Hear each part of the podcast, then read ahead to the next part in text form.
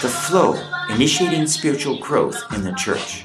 okukulukuta nga tutandika ennono ez'okukula ez'omwoyo By Reverend Paul Bucknell, translated from English into Luganda. nga bikyusiddwa okuva mu lulimi olungereza okuzibwa mu lulimi oluganda kanisa 1 John 2 12 to 14. yokaana e- e- oluberyerye 2 12 okoma ku lunyolo 12 An overview of spiritual life, produced by Biblical Foundations for Freedom. www.foundationsforfreedom.net, releasing God's truth to a new generation.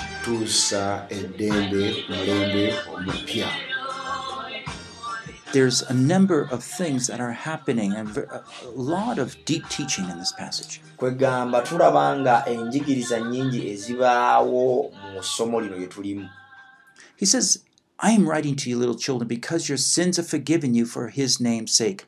I'm writing to you, fathers, because you know him who has been from the beginning. I'm writing to you, young men, because you've overcome the evil one. I've written to you, children, because you know the Father. I've written to you, fathers, because you know him who has been from the beginning.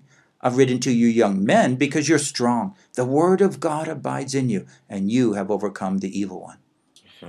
agamba bw'ati yokaana ekisooka essula ya kubiri olunyi lwa kumi nabbiri mbawandiikiddemu abaana abato kubanga ebibi byammwe bibasonyiyiddwa olw'erinnya lye mba- mbawandiikira mu abakadde kubanga mutegedde oyo yabaawo okuva ku lubereberye mbawandiikira mu bavubuka kubanga muwangudde omubi mbawandiikidde mu abaana abato kubanga mutegedde kitaffe mbawandiikidde mu abakadde kubanga mutegedde oyo yabaawo okuva ku lubereberye mbawandiikidde mu abavubuka kubanga mulina amaanyi n'ekigambo kya katonda kibeera mu mmwe era muwangudde omubi Uh, if you have your Bibles open, I, I like it. It just did you notice the different types of people that John is writing to? Kwegamba singa olina bayibuli yo ng'ogisoma nga tugisoma osobola okutegeera nti yokaana yali awandiikira abantu ab'enjawulo. Even if you're a new believer, you can probably discover the three different groups here. kwegamba ne bw'obanga oli mukkiriza muto oba omupya osobola okulaba ebitundu bino kubanga byolekeddwa bulungi mu We have the children, tulina abaana abato. We have the fathers, tulina abataata. And thirdly, we have the young men.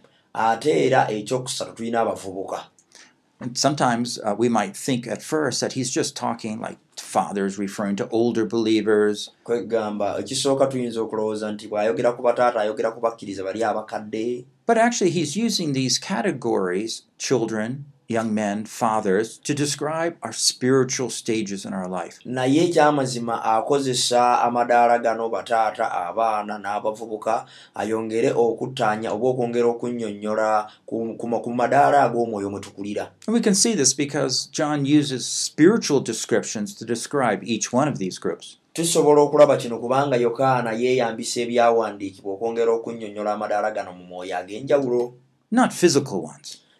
Tetutegeeza bya buliwo nti ono mwana muto bebi When we put it together, well, all of a sudden we have a, a full picture of how we're supposed to grow as a believer. bwe tubigatta ewamu tufuna ekifaananyi ekijjuvu ekyengeri gyoteeka okukulamu ng'abakkiriza We start as a little child, tutandika ng'abaana we grow through a young man, ne tukula ne tufuuka abakulu. And then mature to a father. olwo nno ne tukulira ddala ne tufuuka baataata And so John is using here a, an analogy that we're all familiar with the family.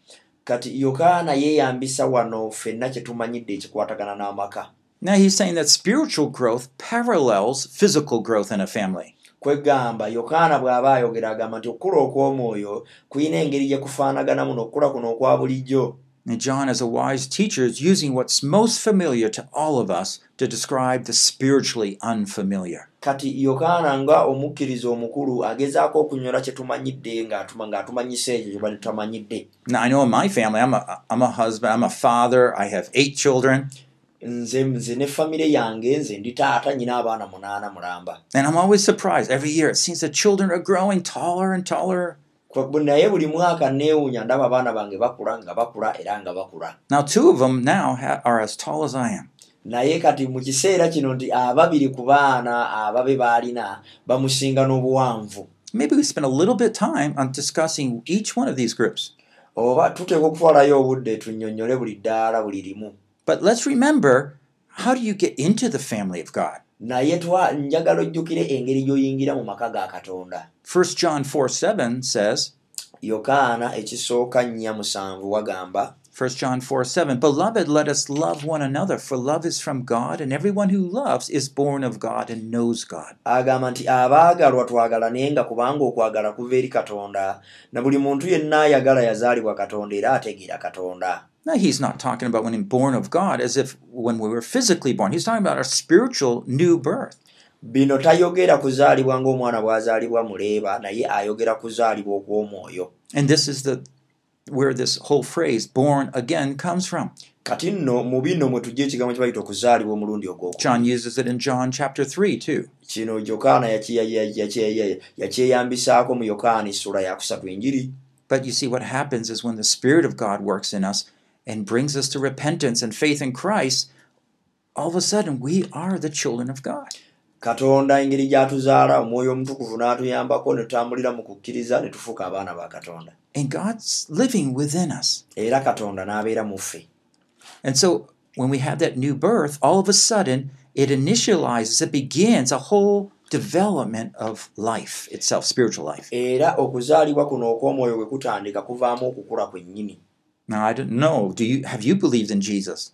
simanyi nti gwokkiriza yesu gwampuliriza If, if you ha- have and you found that He's forgiven you of your sins and you're following Him, kwegamba okiraba nga wamukkiriza era nga yakusonyiwa ebibi era ng'omugoberera that you will be part of His family in one of these three stages that we discussed. eyo y'engeri gy'osobola okuyingira mu famire ye era n'oyingira mu madaala gano ge tukubaganyako ebirowoozo kati Now let's look a little more particularly for the little children category. Leka njogere ku mutendera ogw'abaana abato John uses the little the children to describe new believers. yokaana yeeyambisa abaana ng'annyonnyola abakkiriza abajja A good image that comes to my mind is a mom that's holding a little baby, cuddling and caring for that baby. ekifaananyi kijja mu bwongo bwange kati ndaba maama ng'akutte ka bebi mu mikono gye And, and we notice here in these uh, three verses of 1 John 2 12 to 14 that he mentions this group as well as each group two times. kati ekyewuunyisa nti mu yokaana ano tusanga amadaala gano nga yokaana agaddamu emirundi ebiri ebiri And what do we find that he says about the little children? era kye tulaba ng'ayogera ku baana abato kati kye tulaba Just what we would expect. kiki kye tusuubira He says, Your sins are forgiven you for his name's sake. Agamba nti ebibi byammwe byabasonyibwa olw'erinnya lye He says, I've written to you, children, because you know the Father. agamba nti mbawandiikidde mmwe abaana kubanga mumanyi kitaffe So, what are we finding here? kiki kye tuzuula wano We're seeing that a new believer has to come to a better knowledge of God's teaching and who God is so they can grow secure. kye tutegeeza nti omukkiriza omupya ateekwa okutuuka ku ddala litegeera katonda bw'ali asobole okula obulungi And so, every child that comes into the world, into our physical families, for example, God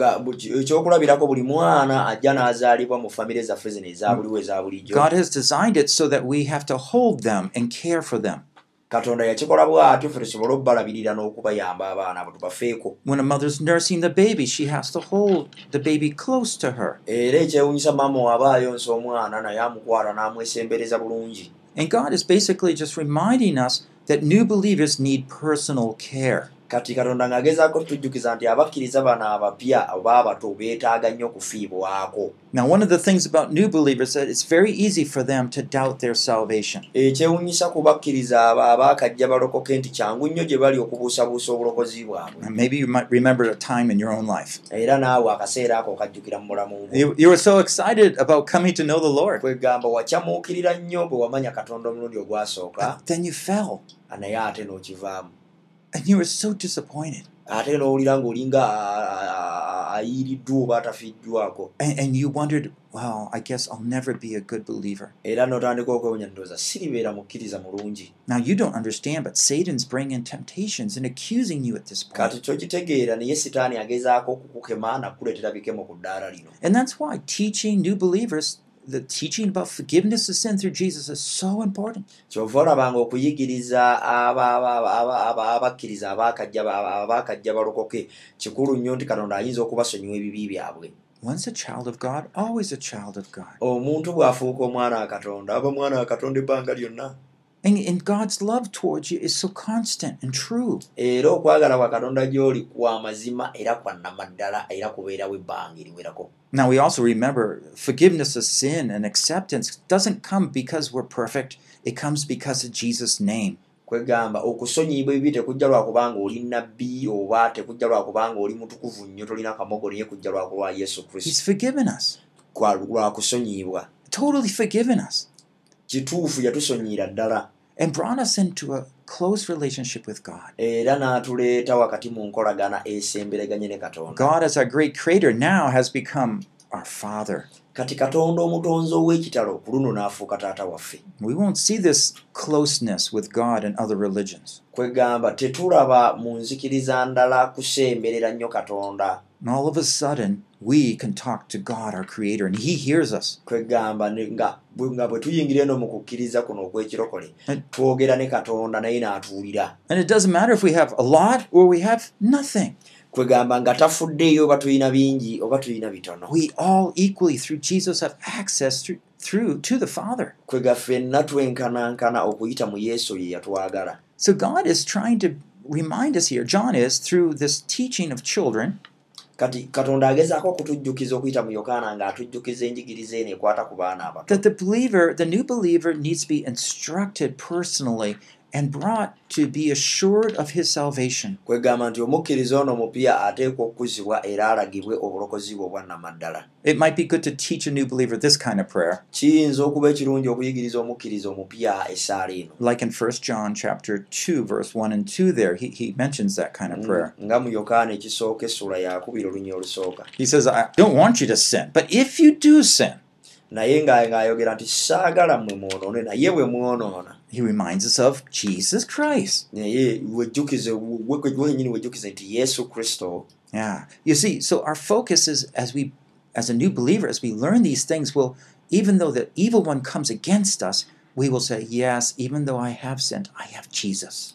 kwegamba ng'abakkiriza abapya kino kiteekwa okujja mu bwongo bwaffe ne bwe tuba twonoonye tuteekwa okujjukira nti waliwo yesu ali mu bulamu bwaffe ate Do you know any new believers around you? kwegamba omanyi ku muntu yenna nga mukkiriza yakajja afuuka omukkiriza nga akwetoloddaawo kumpi If you know the Lord for a while, why don't you nga tamanyi nnyo mukama pray and meet with these new believers and, and just encourage them kwegamba n'obazzaamu amaanyi n'ogezaako bayimusa ng'abakkiriza in abapya basic Christian teaching? Era n'obawa enjigiriza ekikristaayo Remember, the new believer, like a little child, is very insecure. kwegajjukira nti omu omukkiriza yenna omupya abeera abeera si mukakafu talina butebenkevu nnyo You put a baby down by himself, he's going to cry.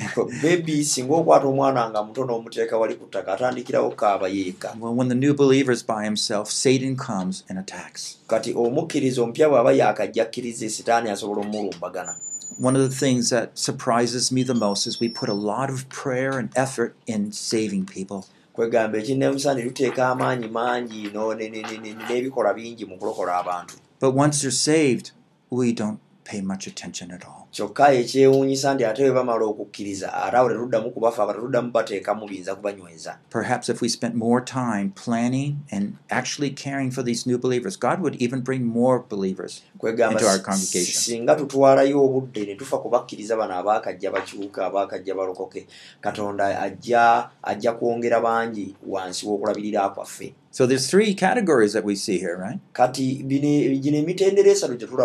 When we become a Christian, we be part of God's family. We're the little children. We're the new believers. kwegamba bwe tufuuka abakulisitaayo awo katonda tu- tuyingira mu famire ye And by learning basic teaching about Christ's forgiveness, we develop that security within our heart that God constantly loves us. kwegamba ate bwe tuyiga amasomo gano agatandikirwako ag'ekikulisitaayo emitima gyaffe kikyo kyongera okukakatamu ffe nti katonda atwagalira ddala And that will ready us for the next stage. era kino kitukulembera okugenda ku ddaala eriddako How, how, how long do you stay as a, uh, a little baby? Not too long. They grow right up. Kwe- kwegamba omwana omuto omala bbanga ki ng'oli mwana muto kubanga bakula ku sipiidi I had a new granddaughter, I think, last October. kwegamba mu mu mwezi ogw'ekkumi nayinayo omuzzukulu wange Uh, she's already sitting by herself now. naye kale mu kiseera kino yayeetuuza yekka She's starting to eat solids. kati And, and I know before long she's going to want to stand up and walk. Era mmanyi nti ebbanga litalidde najja kuba asobola okutengerera That's natural, isn't it? ekyo nno kya buntu But if you're a new believer that has been attacked and you might not have that security in your own life. naye singa oba mukkiriza mupya ng'olumbiddwa oyinza obutaba na bukuumi bwa kikula ekyo And though even you should move on to the second stage, you when you go there you won't be too ready for it. kwegamba nga ne wandigenze ku ddaala eddala toli mwetegefu olw'eddaala eryo Unfortunately, many new believers don't go beyond this point of spiritual growth. era nkiraba nga abakkiriza bangi abapya tebagenda kusukkuluma ku ddaala lino emirundi egisinga because we don't really care for them. kubanga tetubafuddeeko Oh, that we could do a better job. oba oli awo nga tukoze omulimu ogusingako okuba omulungi Now, we also notice here um, that he mentions two other categories. era tulaba wano ng'ayogera ku ku mitendera emirala ebiri He's mentioned them twice. Era agyogera emirundi ebiri The next category that John introduces after children is the fathers. omutendera ogwokubiri yokaana gwa- gwa- gwayanjula nga ovudde ku baana be bataata Whenever there's a little child, a spiritual child, we know that God's goal for them is to grow up into being a spiritual father. tukimanyi nti ekiruubirirwa kya katonda gye bali bo kwe kukula bafuuke bataata mu kukkiriza Now, I, I just want to remind you here that John, I don't think, is, is using a uh, just talking about men here. He's talking about all spiritual children as we grow up. kwegamba nkimanyi yokaana kyayogerako naye kyasinga okwogera kwe kula mu mwoyo men and women. abaana abakyala n'abasajja Now, when we look at verse 13, 14, what does he say about the father? He says, I'm writing to you because you know him who has been from the beginning. agamba nti mbawandiikiddemu abakadde kubanga mutegedde oyo yabaawo okuva ku lubereberye And he says the same thing exactly twice. era n'ayogera ekintu kye kimu omulundi omulala You see, the father is one that has passed through the, the young men. We haven't discussed that group. kati taata y'oyo afaayo ku ku- ku- ku- ku- ku- ku- ku- ku kuyamba n'okusumba bano abato But he's gone on to a place where God wants all of us. naye tugenda mu kifo ffenna katonda gy'atwagala I want you to understand that. God wants all of us to be at this father stage. kati kyenja- kye- kye- kyenjala okutegeeza nti ffenna ffenna katonda atwagala tuuke ku ddaala lino ery'okuba bataata mu kukkiriza Now, I don't know how many of you can think of those believers around you that you really wish maybe you could be like. Kwegamba simanyi bangi ku mmwe engeri gy'oyayanira ng'oga nti abakkiriza abo abakwetoolodde wa- be wandyagadde okufaanana. They are loving and kind, kwegamba balungi baagala era bafaayo and yet they live godly, disciplined lives. ate era bali mu bulamu obutanna- obutannayiibwa They reach out to other believers. era babuulira enjiri abakkiriza abalala It might be a pastor, it might not be. But do you realize God wants all believers to be like this? I know um, little children love to th- think about what they'll be like when they grow up. Kwegamba nkimanyi nti abaana abato bonna baagala nnyo okulowooza ku kiki baliba nga bakuze Ah, some say, "Oh, I want to be just like my daddy." kwegamba abalala bagamba njagala mbeere nga taata nga Or nkuze maybe some maybe watch TV and see an astronaut going to the moon and say, "Yeah, I'd like to be an astronaut." ate abalala ne balaba bano abagenda ku mwezi nemmwengula nga njagala kubanga oyo Oh, some might like to be a policeman or a pastor. abalala nga baga njagala mbe nga musumba komulala njagala mbe nga wa poliisi It's interesting. You see, the little children have a a picture in their mind that they're going to grow up, and they're trying to picture that in their minds. kwegamba abaana abato bakula n'ekifaananyi mu bwongo bwabwe When we reach the stage of um, the father, bwe tutuuka ku ddaala lino ery'obwataata a mature believer, omukkiriza akuze we'll notice that there's several things that are happening at this stage. nga tulaba nga bintu bingi ebibaawo ku ddaala lino We'll know that the children are it's, it's a temporary stage. kwegamba okuba abaana si ddaala lya lubeerera The young men will be a temporary stage. ate era n'abavubuka nalyo si ddaala lya But lubeerera this mature believer stage just goes on and on. Naye eddaala ery'okukula eryo lyo lyeyongerayo ne lyeyongerayo ne And lyeyongerayo it's where we step closer to the Lord to responsibly care for others. kwegamba bwe tusemberera mukama nga tufaayo ku ku- ku kuyamba abalala So let's just think of, uh, first of all, a father is a father because he has a children. taata aba taata kubanga alina abaana Uh, no children, he, he can't really be called a father. So God wants us to to lead other people to know Him. kwegamba katonda ayagala tukulembera abantu abala okumutegeera Fathers, just like in a family, are shapers. kwegamba bataata mu maka balinga basumba I I, I discipline my ch- child. I instruct my child. abaana bange mbateekamu empisa era ne mbaluŋŋamya Uh, God says in Hebrews 12, i- if a father doesn't um, discipline his child, he doesn't love him. So kati nga bayibuli nga bweyogera mu- webulaniya nti taata bw'aba tasobola kuteekamu baana mpisa oba kubakangavvula oyo aba tabaagala And for for fathers, these mature believers, whether they're uh, brothers or sisters, doesn't matter, but they are there help using what God's given them to shape and encourage other believers. kwegamba bataata bwe babeera aba- ababaka- bwe babeera abakkiriza abakulu abafaayo okweyambisa bye balina okukuza ate bano abakyali abato Well, that doesn't mean we stop growing. Kati nno ekyo tekitegeeza nti awe tokoma Oh. God has a lot of plans and strategies to help us to grow. era katonda alina emitendera mingi n'obukodyo bungi mu tuteeka okuyita mu kukula And some of these old stories from the past with Abraham and Moses, those come alive when we begin to think about, hmm, different ways God trains us. kwegamba olugero lungi olukwata ku bamusa n'ebintu ebirala ebiyinza okukolebwa katonda byayagala tukole And so, what is the focus for mature believers? Kati abano abakkiriza abakulu baba batunuulidde ki?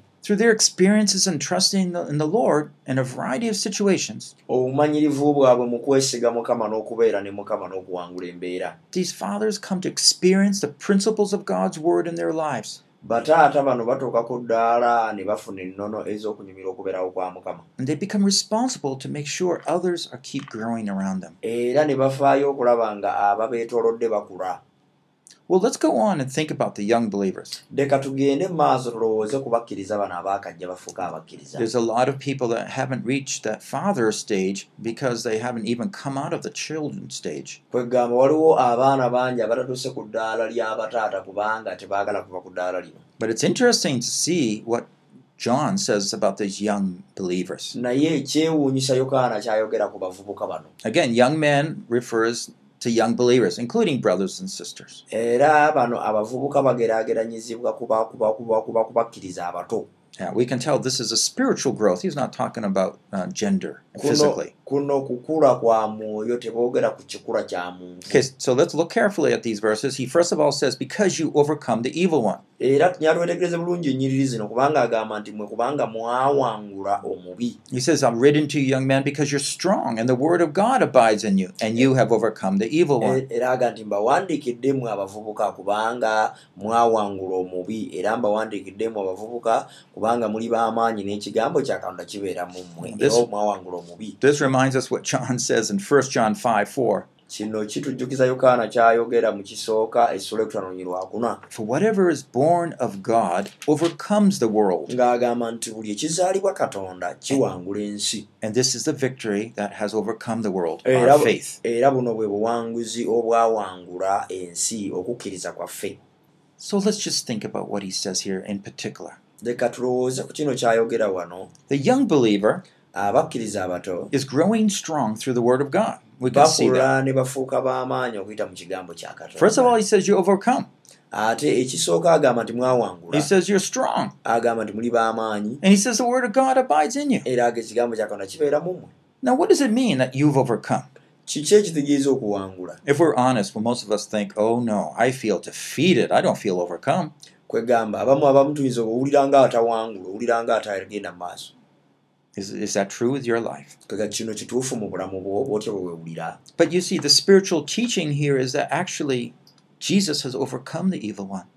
kwegamba okuyigiriza okw'omwoyo okuli wano nti yesu yawangula omubi And in Christ, we have overcome the evil one. era mu kristo omubi twamuwangula But the problem is often that we're going by our feelings, going by some judgments, and falling into temptation. ekizibu ekisinga obunene nti emirundi egisinga tugenda nga bwe tuwulira ne tugenda n'ebikemo ne tugenda nga bwe tulowooza And if we're inexperienced and we don't understand Satan's tactics, we'll feel defeated right away and we'll give up. era ekibaawo kyonna wakati mu bulamu tukisanga nga tuwulira nga amaliddwamu amaanyi abakubiddwa sitaani baawangudde And I believe this is why many people don't go on to maturity in Yeah. Christ. era ndowooza eno ensonga lwaki abantu bangi tebakula mu kristo They lost hope.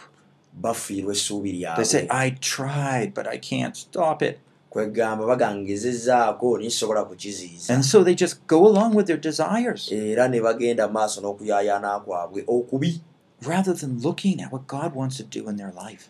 tebatunuulira katonda kyayinza kukola mu bulamu bwabwe You see, God says that they're strong naye nga katonda agamba nti abo amaanyi and that the Word of God abides in them. era n'ekigambo kya katonda kibeera mu bo So let's think a bit about what John says here about temptations. kwegamba nja tulowooze ku yokaana kyayogera wano ekikwatagana n'ebikemo You see, again, um, he says we're strong, but he, we really feel weak. Kwegamba agamba tuli b'amaanyi nga newankubadde olumu tuwulira ntuli banafu But our strength is going to come, and our awareness of that strength is when the Word of God abides in us. It kind of lives within us.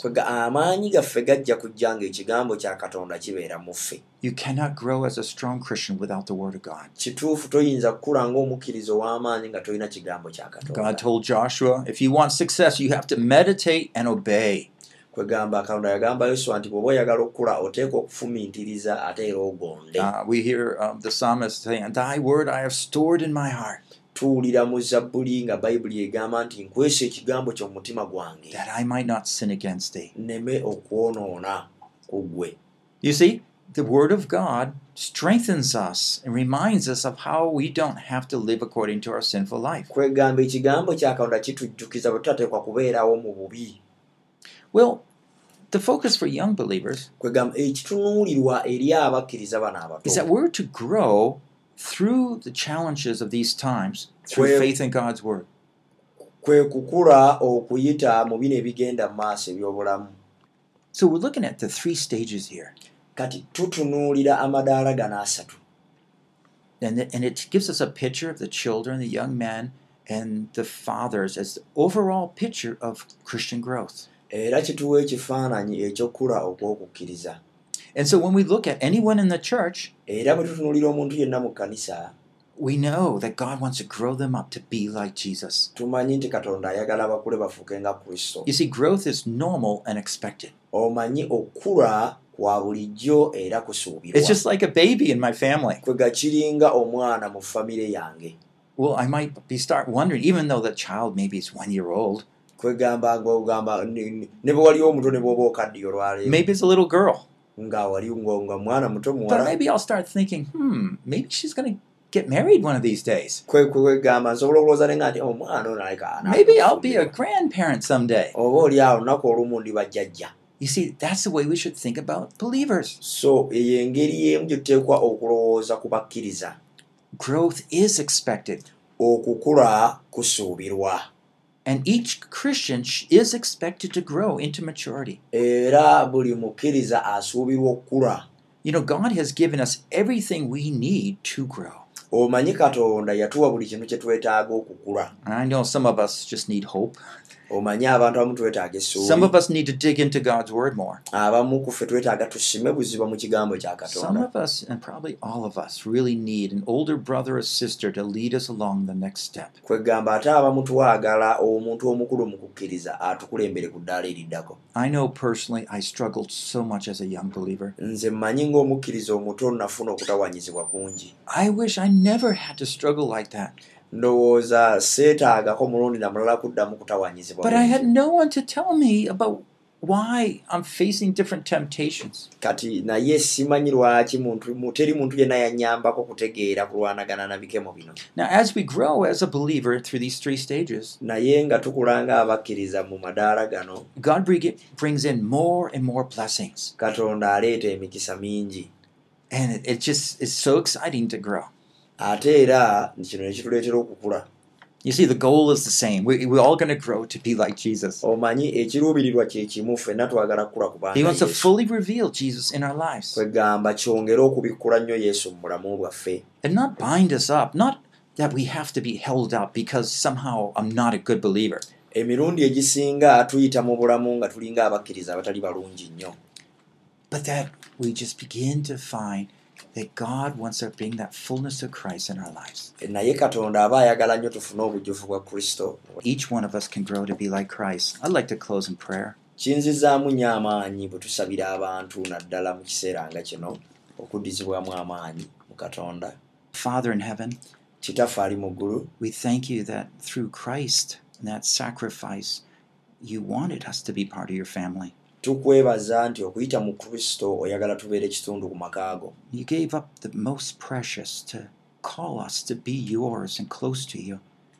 watuyita ekisingiridde n'otufuula abakusemberedde ababo Lord, we know that many of us are discouraged, tukimanyi nti bangi ku ffe tugwamu amaanyi and so many believers around us are, are just fallen. They're stumbled. They don't know how to get up. era abakkiriza bangi abatusemberedde bagwa ne bagwamu amaanyi tebamanyi ngeri yakuyimukamu Oh, Lord, help us all, Lord, mukama tukusaba otuyambe. To realize no matter how far we've fallen, you calling us back now. Tutegeere wa gye twagwa. To find forgiveness in Christ, tuzuule okusonyibwa mu to be able kristo to grow in Christ, tusobole okula mu kristo. To have Christ fully live in our lives. tufune kristo ng'abeerera ddala mu bulamu bwaffe. Lord, change our lives, mukama kyusa obulamu bwaffe. Transform our churches. Kyusa amakanisa gaffe May Jesus be glorified in Uganda. yesu ogulumizibwe mu uganda In Jesus we pray. mu linnya lya yesu tusabye Amen. amiina The flow, initiating spiritual growth in the church. okukulukuta nga tutandika ennono ez'okukula ez'omwoyo By Reverend Paul Bucknell, translated from English into Luganda. nga bikyusiddwa okuva mu lulimi olungereza okuzzibwa mu lulimi oluganda kanisa 1 John 2 12 to 14. yokaana ebiberyebirye biri 12 okukoma ku bunyolo 14 An overview of spiritual life. okulaba ebintu ebikwata ku bulamu obw'omwoyo Produced by Biblical Foundations for Freedom. www.foundationsforfreedom.net. Releasing God's truth to a new generation. tuusa eddembe ku mulembe omupya